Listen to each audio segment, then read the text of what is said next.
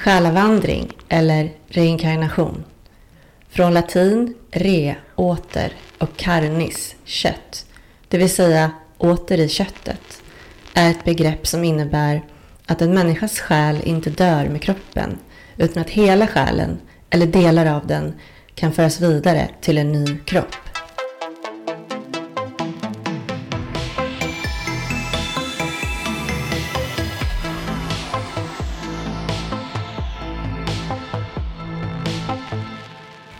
Välkommen till Häxtimmen.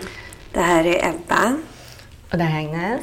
Och vi ska prata om tidigare liv idag och de som mm. minns tidigare liv. Ja, alltså Verkligen. man blir, hjärnan exploderar ju så fort man eh, börjar undersöka det här ämnet. Alltså. Ja, det är så coolt. Mm. Men du, hur, hur mår du? Eh, jag mår bra. Vad, vad har hänt sen sist? Det är Merkurius retrograd. Ja. Har du känt av den någonting? Ja, men lite grann. Det, var, det har varit lite så här dramor och upp och ner. Men eh, jag också, det är också några lyssnare som har skrivit till oss om så här mobiler som har typ smält eller någonting.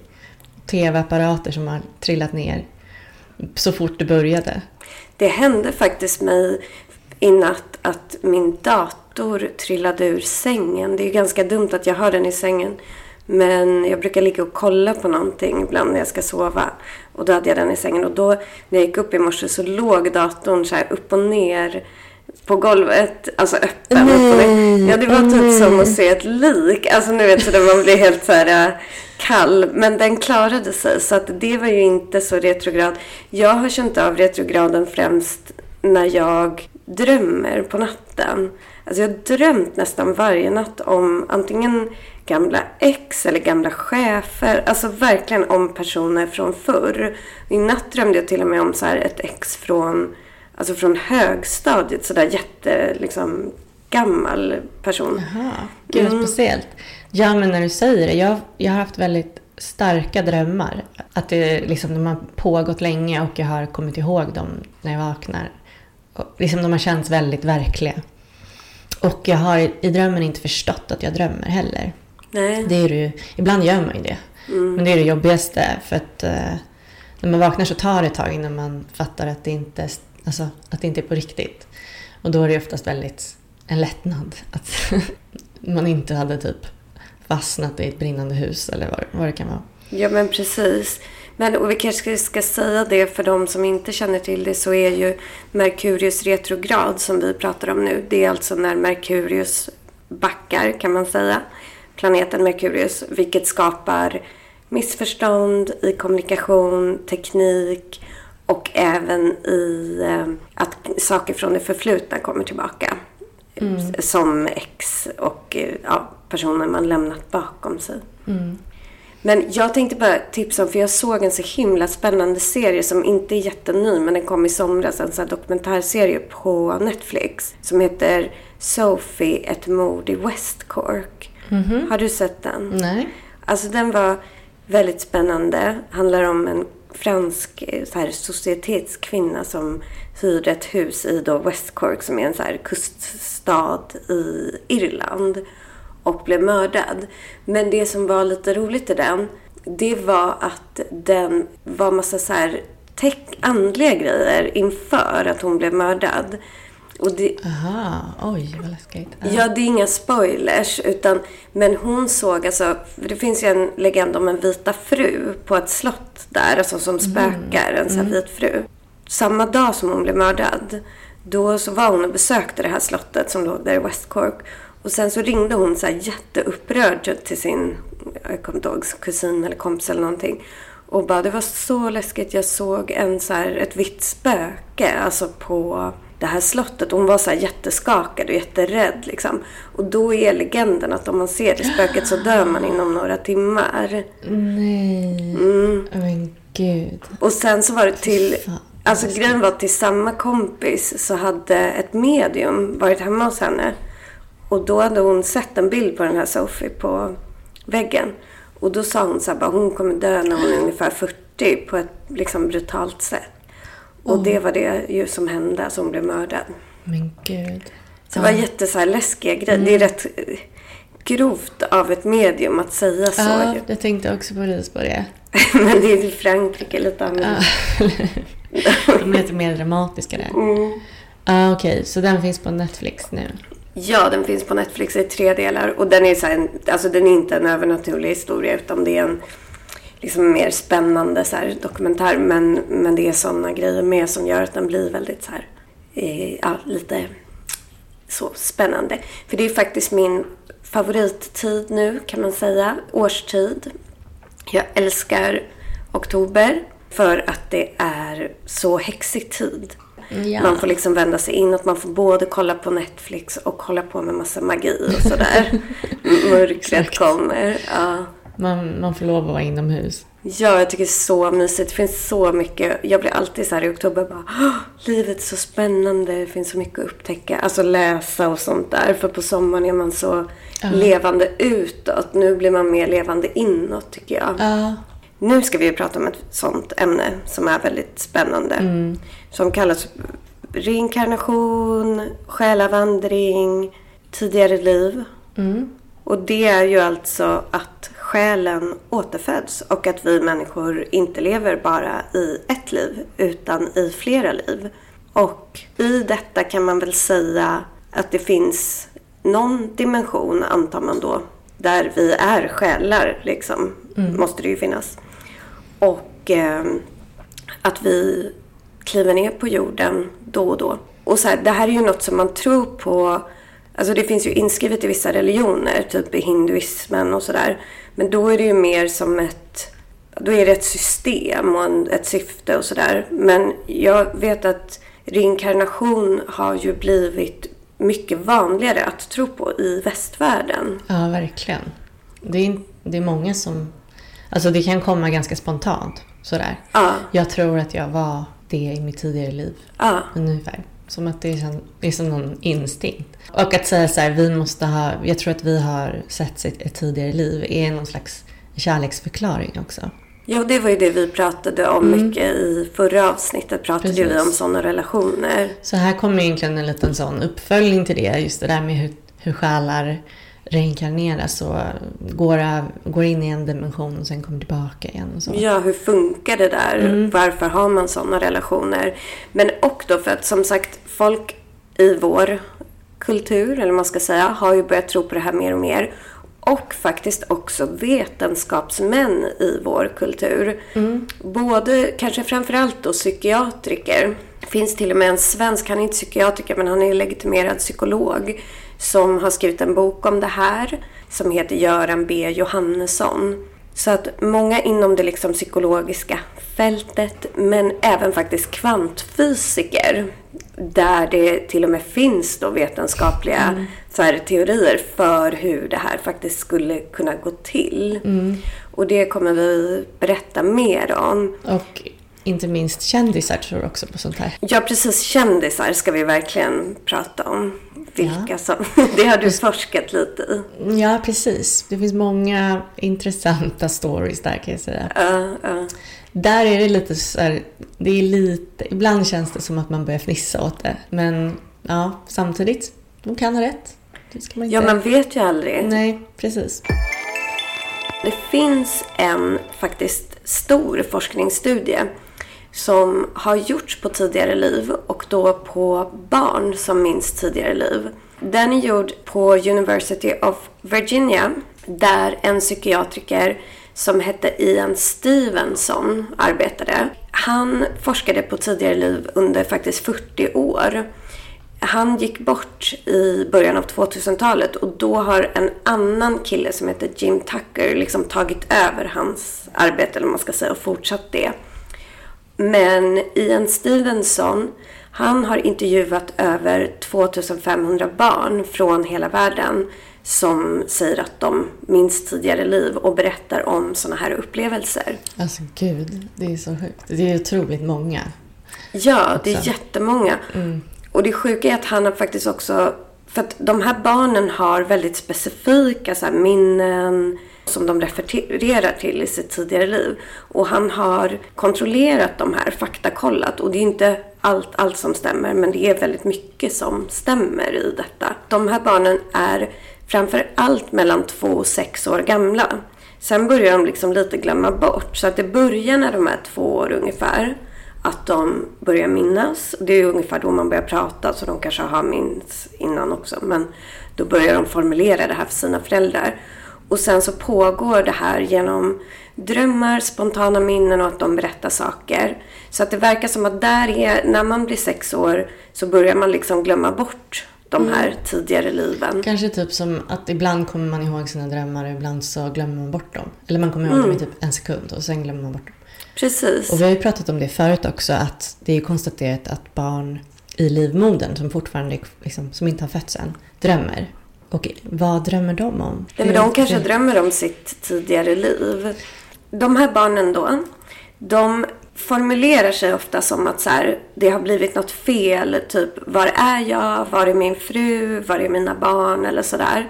Som tycker liksom att de är på en lite så här, i fel liv. Men sen lär de sig ofta då att det här är deras nya liv och sådär. Men sen den här nya då psykiatrikern Jim Tucker som håller på med det här nu. Han har också kontrollerat hur barnen ser ut jämfört med de tidigare. Han har dels kontrollerat så här med ansiktsigenkänningsverktyg de personer som de säger sig ha varit. Och det visar sig att de faktiskt liknar i väldigt många fall de personerna som de har varit. Alltså de har liknande drag. Aha, mycket. Mm. Och de kan också ha, vissa av de här barnen har till exempel födelsemärken och så som matchar skadorna som de har fått i ett tidigare liv. Mm. Så att om de har blivit dödade med kniv till exempel uh, ja, i armen så kanske de har ett stort födelsemärke på just den platsen och så. Man börjar genast kolla på sin egen kropp. Men lite så statistik från den här forskningen som de har gjort. Det är just att barnen är mellan 2 till 6 år. Medelåldern för när de dog i det här tidigare livet som de minns är 28 år. Så de dog tidigt i det mm. livet och ofta ganska våldsamt eller på något liksom lite annorlunda sätt. Så att man tror att det är därför de just har så starka minnen av sitt tidigare liv. För att de liksom blev frånryckta från livet. Så att levde man ett mer harmoniskt liv när man dog när man var gammal så kanske man inte har lika starka minnen från det tidigare livet. Nej, precis. Man minns ju knappt sitt eget liv. 70 procent av de här barnen berättar just att de dog en våldsam död. Så att de kan ha dött i krig eller blivit mördade eller någonting sånt har hänt. Mm, usch vad... Ja, och en sak som också är speciellt med det där, det är att det finns, det är en överrepresentation av pojkar som minst tidigare liv. Aha. Och, och män dör oftast våldsamt. Exakt, och det är exakt samma siffror. På, för det är då 70 procent är pojkar av de som minst tidigare liv. Alltså om man räknar hur, vilka som dör av en våldsam död så är 70 procent av dem män. Jaha. Så det speglar liksom det verkliga livet, wow. siffrorna. Uh, ja. 70-30? Ja, exakt. Oj, gud. Stackars män. Ja, men det är också för att de själva är ja, mer våldsamma. Det är det.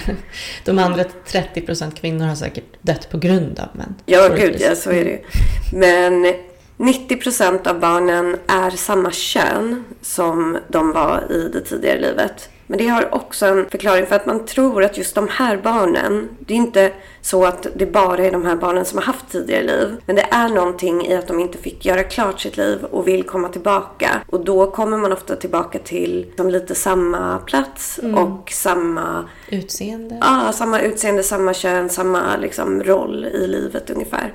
Sen finns det även då att de har tagit fram att medellängden mellan att de dog och återföddes är 16 månader. Och det är ganska kort. Mm. Alltså så att de har ganska snabbt velat komma tillbaka igen då mm. och få leva igen. 20 procent av de här barnen minns dessutom tiden mellan död och återfödelse. Ja, det är otroligt. Ja, och den tiden beskrivs på lite olika sätt men också på gemensamma sätt. Mm. Det finns en pojke Oj. som heter James som är ett ganska känt sånt här fall som har varit med i Jim Tuckers studie. Mm. Han mindes när han var stridspilot under eh, andra världskriget Och man kunde verifiera hans uppgifter. Alltså det var helt otroligt. Jag kommer inte gå in, jag kommer berätta lite om en annan pojke. Så att jag kommer inte gå in jättemycket på James. Men han kunde berätta liksom när han hade dött och vad han hette, vad den som körde flyg, eller hans kollegor hette. Och då, alla de här personerna kunde man verifiera. Och det fanns endast en på den här platsen som han berättade namnet på och beskrev som hade dött. Och det var en James som man hittade. Och eh, den personen hade dött i en flygolycka, eller blivit nedskjuten av japaner i det här kriget. Aha, men gud. Ja, och han berättade om tiden då mellan liv och död. Han beskrev det som en plats där han hade dels träffat andra personer han kände som var döda från det livet. Men också tyckte jag var rätt fint för att hans mamma frågade honom hur var, fanns Gud? De var ju kristna i den här familjen. Vem var Gud? Var det en man eller kvinna? Och då sa han att Gud var varken man eller kvinna. Det var precis det man behövde att Gud skulle vara. Nej. Ja, så det är väldigt fint. Det låter ju logiskt. Ja, men man kan säga att de minns de upplevelser som, som de har mellan död och liv. Det är ganska likt sådana här nära döden-upplevelser. Att flera kan beskriva sin död. Att de ser sig själv liksom sväva ovanför sig. De ser sina nära som sörjer och sådär. Och sen kommer man till någon typ av annan dimension där det är andra människor också. Och det är som någon slags himmel eller vad man vill kalla det. Men också berättar de här barnen att de faktiskt väljer vem de ska bli i nästa liv. James, han berättar för sin mamma att han valde dem som föräldrar när han såg dem på en rosa restaurang i Hawaii. ja. Det låter ju underbart. Ja, och hon berättade att de hade faktiskt varit i Hawaii typ kanske fem månader innan hon blev gravid med honom. Och suttit på en restaurang och det kunde ju han omöjligt veta liksom. Oj, vad sjukt. Mm. Men alltså, är det som att barnen är så här, att de tycker att de är den här personen men också den personen de är nu? Eller är den, ser de dem som att, ser han sig som att han är den här stridspiloten fast den inte dog? Är det liksom så här, sluta kalla mig det, jag heter faktiskt bla bla bla? Typ. Det verkar vara lite olika. Det som verkar vara gemensamt är att de ungefär i sexårsåldern eller så accepterar att uh. de har ett nytt liv. Mm. Och, men att vissa kanske saknar sin gamla mamma och sådär. Vilket ju är väldigt jobbigt såklart för föräldrarna. Det finns en podd som heter Dokumentära berättelser som har ett avsnitt som handlar om barn som minns tidigare liv. Och då är det en svensk mamma som pratar om sitt barn. Och han berättade att han, de hade varit tillsammans flera liv och han hade varit hennes mamma i ett liv och sådär. Oh, wow. Så att så kan det ju också mm. vara. Ett av de här mer kända fallen som Jim Tucker då har undersökt. Det rör en pojke i Oklahoma som heter Ryan Hammonds och han är väl 20 år eller någonting idag. Han började när han var i tvåårsåldern drömma väldigt starka mardrömmar och säga att han eh, hade ont i bröstet och att han, det kändes som att hans hjärta sprängdes och sådär. Hans mamma tog honom till läkaren och de sa att han hade så här, vad man kallar för nattterror som skulle gå över och så. Men det här fortsatte och hans mamma gick ju in där och satt och pratade med honom på kvällarna. Hon kunde ofta höra att det var som att han liksom regisserade film och så i drömmarna. Han gjorde även mycket det i sin lek. Att han liksom höll på sådär, bryt, sätt igång. Ja, precis. Vad har han fått det ifrån? Alltså, så det, liksom, ja. När man är så liten. Precis, det är det som är så fascinerande med det här. Men sen en natt när han låg och drömde och hans mamma kom in och väckte honom så tog han hennes hand och sa så här, jag tror att jag har varit någon annan. Då så berättade han att han kunde minnas ett stort vitt hus där han hade bott och en swimmingpool.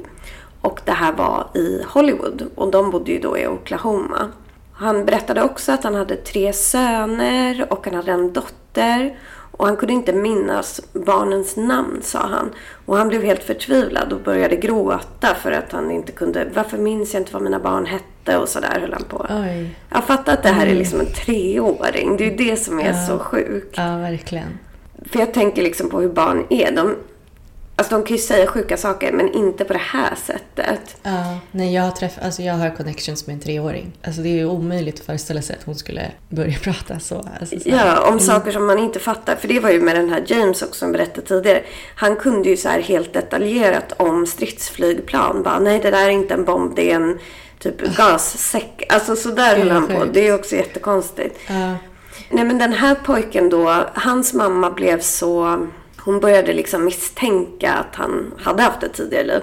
Pappan var helt emot det här för han var jättekristen och var bara så jag vill inte veta av det här liksom. Det, det är ingenting. Men mamman började undersöka lite i det här.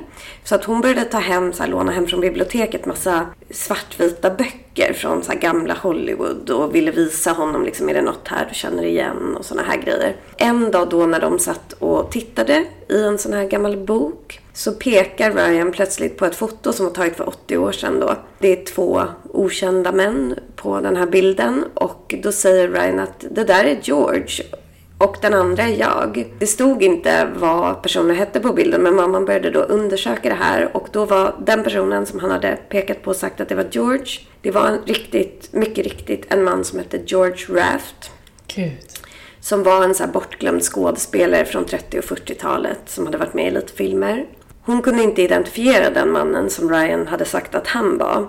Men hon tog då kontakt med den här Jim Tucker, psykologen, eller psykiatrikern, efter det här. Som började hjälpa dem liksom. Så efter flera veckors research så hittade de den personen som Ryan hade sagt att han var. Och det var en person vid namn Martin Martin. Som var en agent i Hollywood. Ganska framgångsrik agent. Och han hade varit statist i en film. Det var därför det fanns den här bilden liksom, på de två från en filminspelning på honom och George. Istället för att berätta det här direkt för Ryan och hans mamma så gjorde Jim Tucker så att han åkte och besökte dem och han la ut fyra svartvita bilder på fyra olika kvinnor framför Ryan. Och så frågade han så här, är det någon av de här som ser bekant ut? Direkt så pekade Ryan på ett av fotona och sa hon. Och det var Martin Martins sista fru. Jaha. Som han hade pekat på. Mm. Wow. Gud. Så ja, de började ju kolla upp vem den här Martin Martin hade varit och om saker som Ryan hade berättat om hans liv stämde. För att Ryan hade ju berättat otroligt mycket. Han hade berättat så här att han gav sin dotter en hund när hon var sex år. Att han hade en grå bil. Alltså det var verkligen så här detaljerade saker.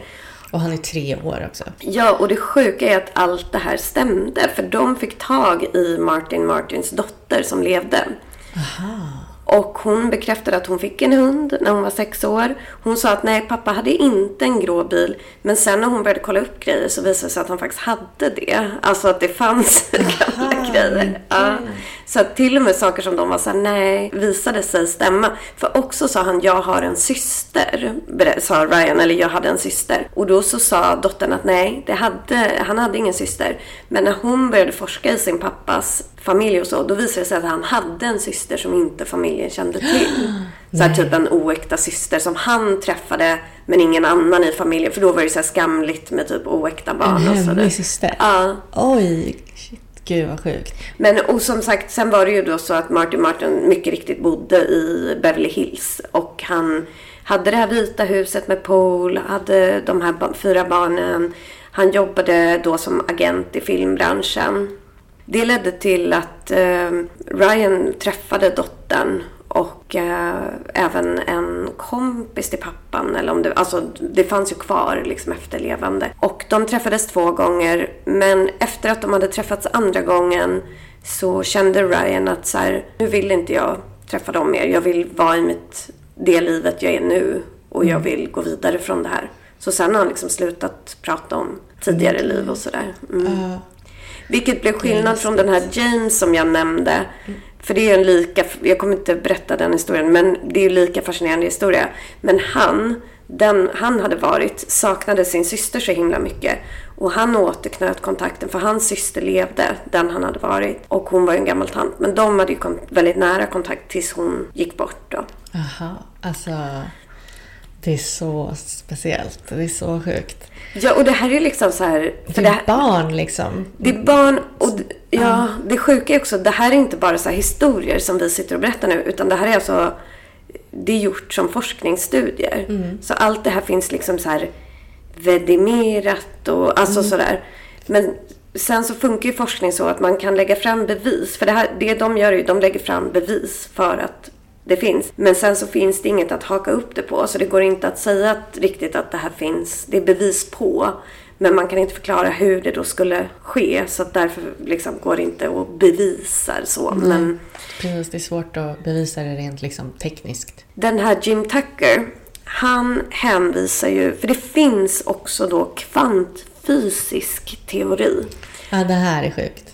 Sjukt. på hur det här skulle funka. Ja, så det är inte bara psykologer och andliga människor som tror på det här, utan det är även fysiker. Nu ska du beskriva kvantfysik. Ja, det, kvantfysik är väldigt komplicerat. Ja, jag håller på liksom Kalle Anka-nivå kanske. Så, Ja. fatt, så jag fattar. Ja, men och precis. Och jag kommer inte förklara det här på ett sätt som är så här, ja, så här är det, utan man får ju liksom ja, eh, tänka, eller kolla upp det själv om man är duktig på sånt här. Men faktiskt de som fick årets Nobelpris 2012 i fysik, det var kvantfysiker som har lyckats hitta eller tämja, eller vad man ska säga, kvantpartiklar. Det är alltså partiklar som vi inte kan se. Man, jag, jag tänker på dem som små ploppar. Ja. De är väl det någonstans. ja, exakt. De är väl kanske vibrationer eller något sånt. Ja, precis. Men det, Energi. sjuk, det sjuka är att de här kvantpartiklarna, de har någonting som kallas för en superposition. Och det är någonting som vi inte är vana vid i, vårt, i vår fysiska värld. För när vi tittar på, liksom, vi har en ljusstake här framför. Den ljusstaken är där. Den kan inte liksom flytta på sig. Nej, men de här kvantpartiklarna kan liksom flytta på sig. Men vi kan bara observera dem när de sitter fast vid något. Just det. Och då så tror vissa då att vårt medvetande skulle kunna vara, bestå av sådana här kvantpartiklar som sitter fast vid vår hjärna medan vi lever. Men sen kan ju de flytta på sig. Så att det som händer när folk har nära döden upplevelser och typ säger att, för det är ganska många som säger att liksom själen åkte upp genom huvudet eller något sånt där. Då kanske de här kvantpartiklarna flyttar på sig från vår hjärna. Och då skulle de ju rent teoretiskt kunna fästa sig vid en annan hjärna. För de kan flytta sig hur som helst. Så de kan flytta sig till ett foster då. Och bli en ny individ. Så skulle det rent liksom fysiskt kunna funka. Och då skulle man kunna tänka sig att vårt medvetande Vårt medvetande styr verkligheten, sa du till mig igår. Ja, alltså man kan säga att vårt medvetande styr den materiella världen. Så att det är inte tvärtom. För nu är det på något sätt att vår uppfattning är att den materiella världen styr och skapar oss. Men istället så kanske vårt, vår materiella värld kanske är en gemensam dröm som jättemånga individer samtidigt drömmer. Man tror alltså att medvetandet är en egen sak som inte egentligen behöver vår hjärna. Men en... Hej Lotta! Hallå! En kropp när den sätter fast sig på vår hjärna typ. Ja, för vår kropp är bara liksom ett fartyg. Eller vad ska man säga? Vad Ja, det är typ ett köttfartyg. Ja, exakt. som vi Eh, sitter på. Men för precis, för det där som jag har hört om kvantpartiklar. Mm. Det är ju något experiment där de skickade ut eh, kvantpartiklar. Jag vet inte om de har gjort det här eller om det bara är te- teori. Men det är väl ingen, spelar ingen roll. Och då var det så att så här, om, man inte titt- om man inte observerar dem så kan de gå på två olika sätt samtidigt egentligen. Och om man tittar på dem så, så liksom kan de ju bara gå på ett ställe. Så att det är så här, det skapas genom observationen. Ja, men då är också frågan är, är det så att de bara kan det när vi tittar på dem? Eller är det att vi bara kan se dem när de är Alltså de kanske, det blir liksom så här... äh, Precis. Och, Ja, det kan vi ju aldrig veta eftersom när vi tittar på dem så ser vi dem. Exakt, det är det vi, vår verklighet är. Nu ska vi faktiskt ringa upp vår kompis Charlotta Bentz som har egna historier om ja, misstankar om tidigare liv med hennes egna barn. Ja, alltså jag har hört att det ska vara helt sjuk story. Jag har inte, Ja. jag, jag har inte hört den själv, så jag är väldigt, det här ska bli jättespännande. Hej Lotta! Hallå! Hej!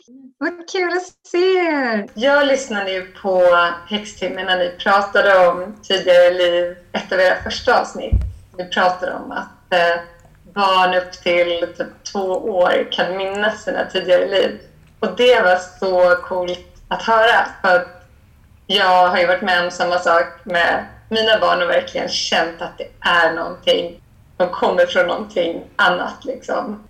Och dels hade jag med min dotter Cleo, när jag väntade henne, så var jag extremt sugen på mexikansk mat. Jag hade så craving för det under hela graviditeten och käkade liksom jalapenos ur burken.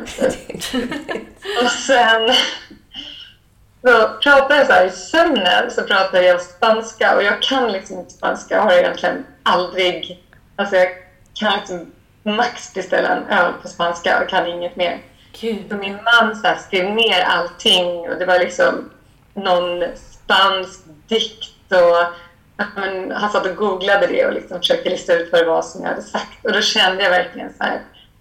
Det, var det är som helt att någon otroligt. hade sänt ja. genom mig. Um, och sen när Cleo kom ut så var hon så här väldigt brun liksom. Alltså hon hade väldigt mörk hud. Och eh, så var hon, ja men så här, som bebis var hon liksom, alla typ så här, stannade mig på stan som jag inte hade träffat och tyckte att hon såg så här, så försigkommen ut och hade så klar blick. Och, alltså det var liksom som att hon hade någonting som folk reagerade på. Och hennes, eh, hon var så här, väldigt sugen på stark mat när hon var liten också.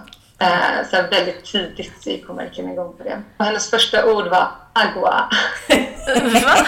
På riktigt? och sen... Eh, Gud. Och sen eh, sa, för hon heter Cleo Anastasia, så sa jag till min son som var, ja men han var ju typ två när hon föddes, eh, att hon heter Cleo Anastasia.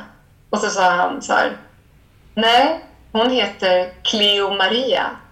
De mm. säger det.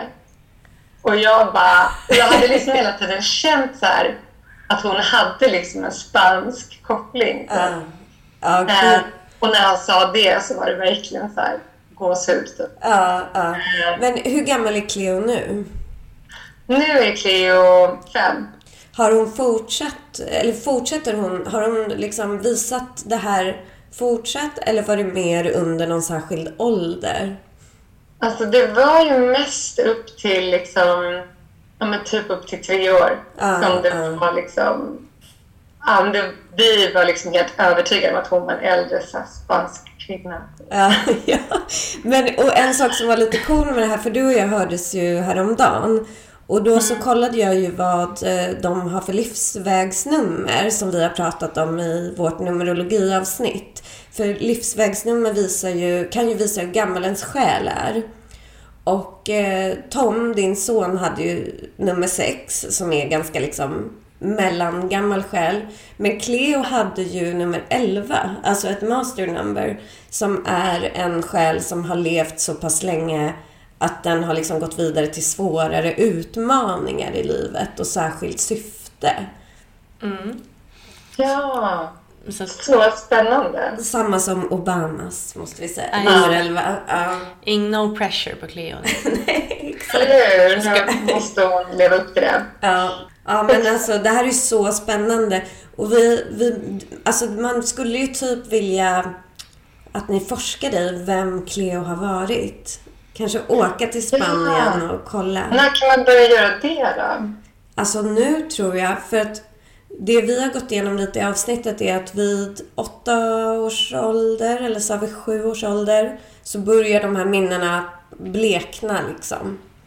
Mm. Så att eh, kanske i eh, barndomen, men det är möjligt att hon kommer komma ihåg lite grejer ändå när hon mm. är lite äldre.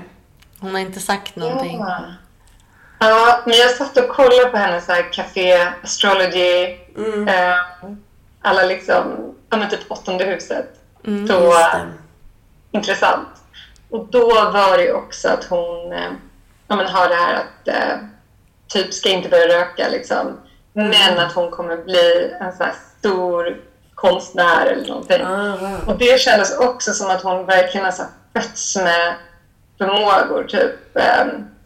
så här, som inte jag och Ola typ har lärt henne. Utan att hon kan väldigt mycket saker från början. Typ. Mm.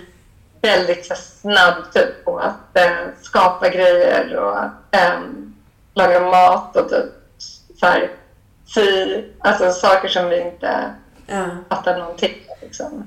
Hon kanske har varit Frida Kahlo. Exakt, alltså, hon har liksom skills som så kommer.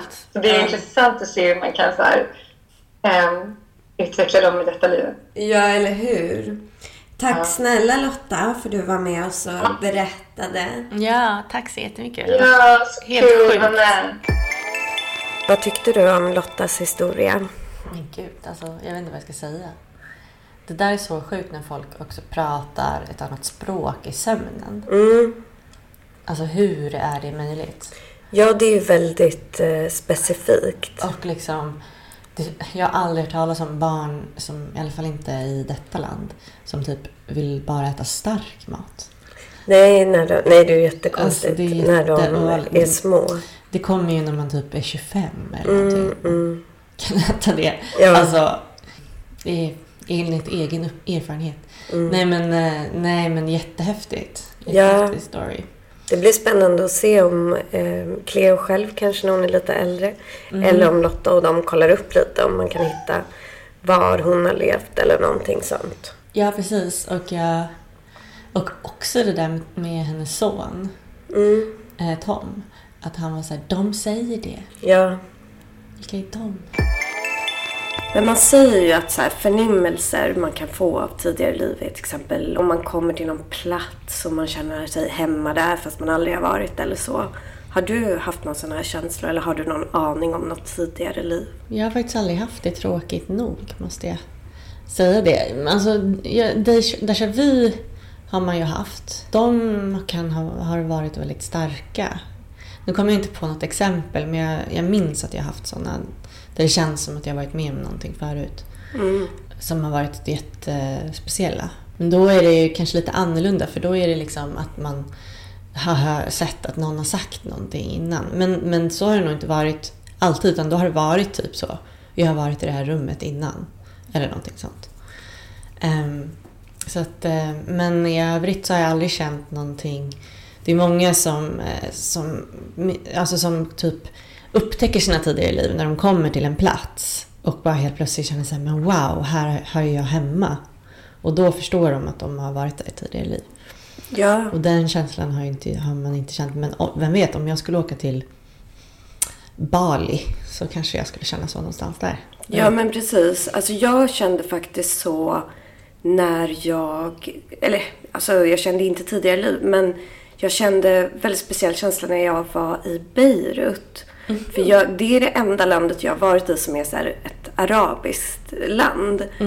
Och där kände jag mig så jättehemma med typ människorna, miljön. En sak som var jättespeciell var när jag gick på gatan där och de gjorde sådana här böneutrop. För det hade jag aldrig hört så på riktigt innan.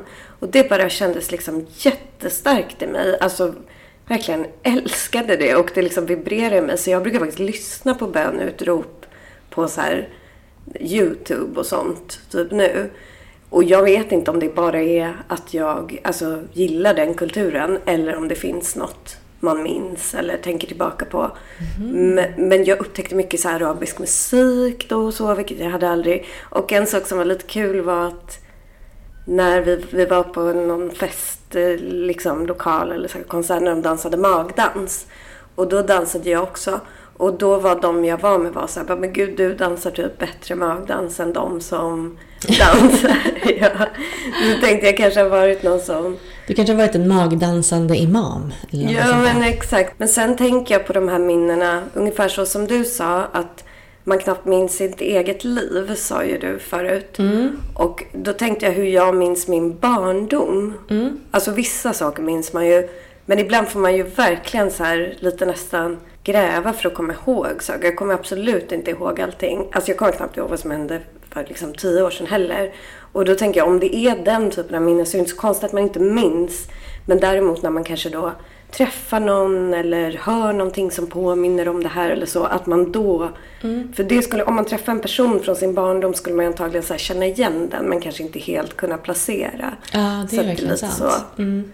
Men sen har ju jag, och det har vi berättat om i flera, jag har ju gjort flera regressioner där jag har kommit tillbaka till tidigare mm. liv. Apropå det så, vi har gjort ett avsnitt om tidigare liv och karmiska relationer förut. Det är lite annorlunda än det här. Eh, men det var 20 avsnitt sen. Mm. Så då, då var vi baby ja, verkligen. med podden. Ehm, men jag hade glömt att jag kommer inte ihåg att jag gjort det. alltså typ. Så att uh, apropå bara att man kanske ja, inte minns sitt ja. eget liv. Men när jag lyssnar på det sen kommer jag ju såklart... Jag lyssnar på det sen igen. Mm. Det är svårt att lyssna på det avsnittet tycker jag. För det var innan vi hade lärt oss att inte så säga mm väl, mellan varje alltså, mening typ. Det, det, tog ganska lång tid. Vi fick det som feedback uh. på så här, recension på podcast, eh, podcaster. Och eh, då så stod det om ni gillar podden men det vore jättebra om ni slutade säga mm hela tiden. Men det, det är ganska svårt för att eh, vi sitter ju och pratar med varandra, liksom, mitt emot varandra. Så det har ju blivit att vi bara sitter och nickar jättemycket Ja, precis. Man får lära sig. För att bara sitta och stirra på någon och inte röra, liksom, inte ja. göra någonting när de pratar det blir lite weird. Ja, exakt. Eller det fäller sig inte naturligt. Nej, så är det ju. Ja, men, och det är en sak om man gillar oss får man jättegärna skriva recension. Ja. För det, då hittar fler vår podd liksom. Mm, och vi vill veta vad ni tycker. Ja, om det är positivt. Vi vill jätte... Exakt. Fast det finns en negativ recension i den där. Mm. Som är att vi låter som att vi är höga. Och det tycker jag bara är så här, ja vadå då? Alltså, De skulle bara veta. Ja men exakt. Och det är väl inget negativt med det. Nej. men ja, vi blir jätteglada för alla. Vi får ju väldigt mycket positiva kommentarer på Instagram. Det är jättekul. Ja, det är kul. Vi blir jätteglada för det. Men som sagt, barn har haft tidigare liv som de minns. Men det finns också en annan kategori som har haft tidigare liv som de kanske inte minns men känner väldigt starkt. Känner det är kändisar. Till. Ja, precis. Så jag tänkte, jag har liksom letat upp lite olika kändisar som, och vad de har haft, vad de liksom tror att de har haft för tidigare liv. Um, jag har inte tagit med alla, men det var ganska roligt för gemensamt hade var att de väldigt många manliga kändisar trodde att de hade varit en krigare. En ja, det känns ju typiskt. I sitt tidigare liv. En av dem är då, om vi kan börja med Sylvester Stallone. Han var en soldat i franska revolutionen, mm enligt eh, sig själv. Och hans, för hans mamma, hon är medium och typ eh, astrolog. Jaha, det visste jag. Sånt här. Mm. Ja, det var när någon sa så här, usch vad obehagligt att bli halshuggen med en giljotin. Som han, och då svarade han så här, nej men det är inte så farligt. Det enda som känns är när liksom huvudet hamnar i den här korgen. nej men gud. eh, och då var han typ så, oj hur kunde jag veta det? Liksom. Jaha, vad Det svaret kom liksom naturligt. Som att han vet hur det känns att eh, bli giljotinerad. Han har även varit en boxare i sitt tidigare liv. Mm -hmm. Och som dog i en knockout. Ja. Och har han faktiskt enligt sig själv då varit en apa i Guatemala. ja. En guatemalisk apa. Men det där var ju ganska, alltså jag kan tro på honom om ja, de där. Faktiskt. Alltså men eh, jag tänker att för att jag känner igen lite det där han säger så här, att han bara sa så här, mm. det är så här. För så var det ju när jag har gjort regression, alltså när man gör regression ja. är man ju under hypnos. Mm. För att, och ens högre jag minns tidigare liv. Och då så under hypnosen så pratar ju den här regressionsterapeuten med en som hon, den som hypnotiserar en frågar en saker och så berättar man då. Och då tyckte jag att det var så, för hon frågade mig saker. Och då är det så att det är jag som svarar, men man vet liksom inte vart det kommer ifrån. Alltså det är så här glasklara svar, liksom så här, vilket år är det? 1870? Utan, och man vet inte varför man säger det eller vem det är som säger det. Gud vad häftigt. Ja. ja, precis. Det här kanske också var under en sån hypnos som han... Ja, det kan det ju vara. Mm. Men sen en annan eh, kändis som är, också minns är Stevie Nicks. Aha. För att hon, hon säger så här att hon känner sig väldigt bekväm med sån typ av musik. Och i liksom tystnad och eh, kan relatera till ett sånt eh, liv. Det är därför hon tror det. Men hon, hon tror också att hon blev halshuggen i ett annat då, eller samma, vem vet. Munk, munken kanske blev halshuggen i ett tidigare liv. Och det är för att hon har en sån svag nacke och svårt att hålla upp sitt huvud. Så då tänker hon att hon måste ha blivit halshuggen. Ja. Och hon tror även att hon är klar. Hon känner sig eh, klar i, i, sin res, i sin själsliga resa. Hon tror inte att hon kommer bli reinkarnerad igen. Men alltså det tror inte jag Vi kanske ska henne. kolla hennes numerologi. Ja, men vi har gjort det. Och hon har lifepad nummer åtta. Jaha. Så att hon eh, borde är ha något liv kvar. ja. Men ja, en, en Stevie Nicks upphöjd i två kanske kommer nästa, liksom, Ja, nästa ja, gång. visst. Det är inte så fel. Hon är ju häxa, Stevie Nicks. Och sen har vi Keith Urban. Som är, han är countrysångare. Han är countrysångare. Um, och, eh, och han, just det, han, just det, han är känd för att han är gift med Nicole Kidman. Jaha, Men han är också känd för att han är countrysångare. ah, okej. Mm. Eh, men i alla fall, Keith Urban har sagt att han i sitt tidigare liv var, och det här kan jag relatera till, hovnarr Oj. under medeltiden i Tyskland. Så det är också väldigt specifikt. Mm, mm. Ehm, så det kanske inte alls, alltså det låter ju lite som att man, han kanske har skämtat när han sagt det här. Men eh, på, det var just i Tyskland under medeltiden. Ja, men ja, Och, absolut. eh, och där, jag känner mig igen, igen mig i den här pajasrollen. Narrrollen. narren i rummet. Så att jag kanske har varit det också. Ja, det skulle kunna vara... Det, det känner jag mig verkligen inte igen i. alltså, jag tror inte jag har varit när. Du har inte narr-auran. Men Keith Urban är ju artist då och en narr är också form, en form av artist. Ja, ja visst. Att, Ja. eh, Gycklare, är det samma sak? Nej. Ja, fast det kanske är mer ute på stan typ. En narr är väl typ med vid hovet. Bara Roar. roar kungen. Det är liksom en clown. Ja. Sen eh, Patrick Swayze. May rest in peace. Mm. Fantastisk person. Han är bland annat känd för att han och hans fru hade en så fantastisk relation. Twin Så- Flames kanske. Mm. Mm. Och han sa ju då att han och hans fru hade absolut varit eh, ihop i tidigare liv. Eller de kände varandra i tidigare liv. Mm. Men han har haft många drömmar om att han har varit en krigare Mm. som dog i strid. Men han har också sagt, när han var i London så kände han sig så hemma där så han var säker på att han hade varit engelsman Ja. i tidigare liv. Det är inte, ganska ospecifikt men ja, men det är lite som det här jag pratade om, Beirut. Där finns ju inte, jag vet ju inte var jag skulle ha varit i en arabisk värld. Men, jo men jag tänkte på en sak angående krigare. För absolut att man tänker män så här, åh jag har varit krigare. Men typ procentuellt borde ju typ alla män ha varit det. För man tänker så här, typ alla slagfält på så här 1500-talet. Då var ju typ alla, de har bara dött på hög alltså. ja de, precis. Så att, Miljarder av män som Ja. dött i strid. Ja, alltså, ja, om man visst, räknar ja. från typ så här många tusen år tillbaka. ja. Det är ju verkligen sant. Så de har säkert någon gång varit det. Sen kanske inte alla har varit så här värsta proffskrigarna. Men ja, det är det de kommer ihåg. Ja. Eh, Lady Gaga, hon tror att hon är sin pappas syster. Mhm. Sin faster, reinkarnerad. Ja. Hon träffade aldrig sin faster, men eh, hon känner en djup connection med henne. Och eh, hennes familj säger också så här att hon är väldigt lik henne och så. Mm.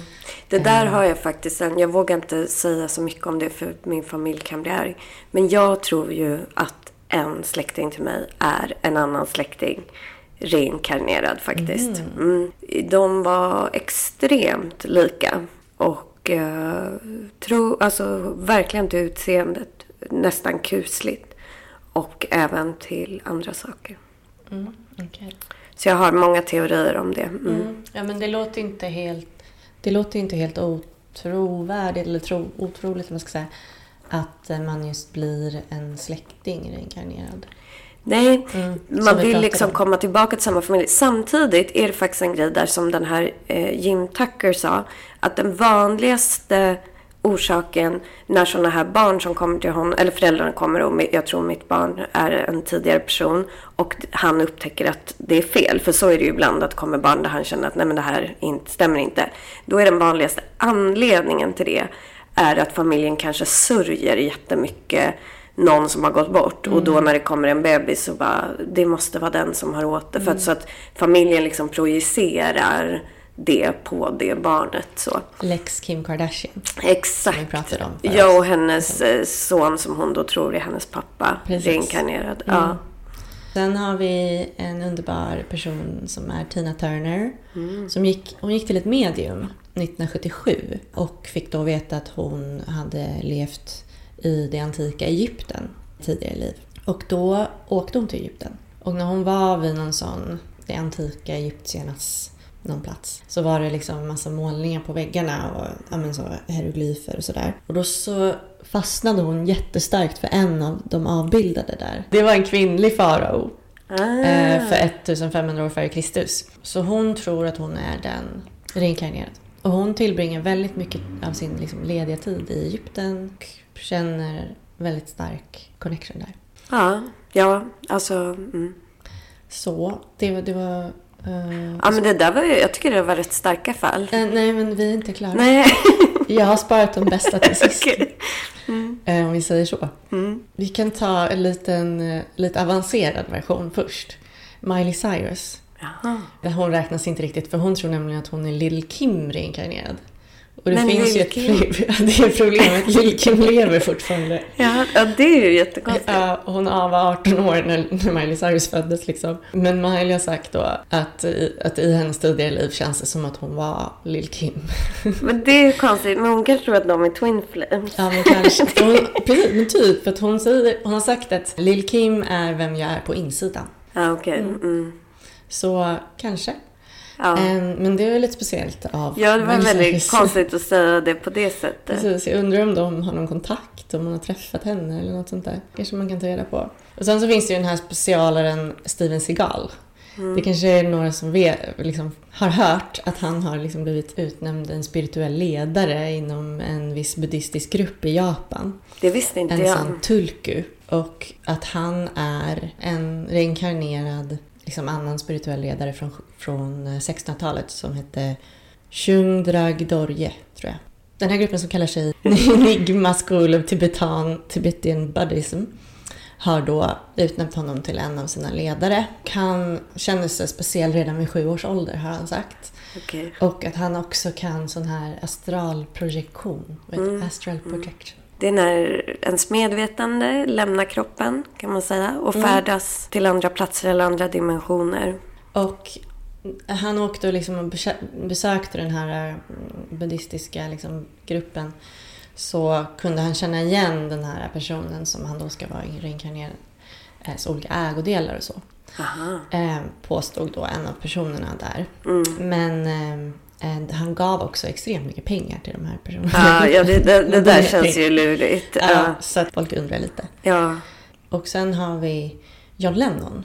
John Lennon trodde att han eh, har varit två kända, andra kända personer. Aha. Nämligen Jesus och Napoleon.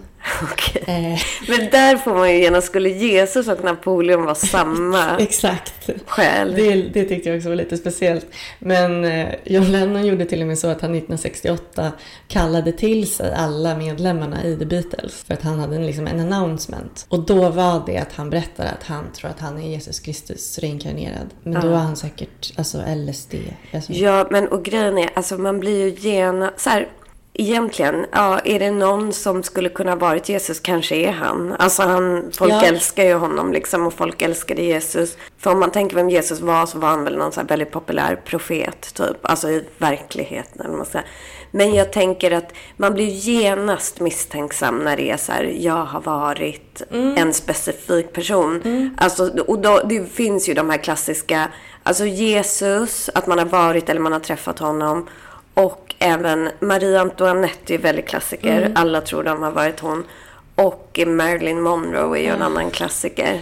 Det är så roligt för då antar jag att alla män tror att de har varit Jesus och alla kvinnor tror att de har varit de här två kvinnorna som typ verkligen så var hatade. Ja, Och alldeles så här synd, syndiga typ så. Ja, men det är bara för att de levde typ lyxiga liv. Ja. Men jag tänker på Napoleon blev jag lite, för Mm. honom trodde jag typ ingen ville vara. Han var ju typ så här, var inte han typ 1,30 lång Ja, eller han var något? typ någon så här hemsk, Ja. liksom, vad var det, krigare liksom så.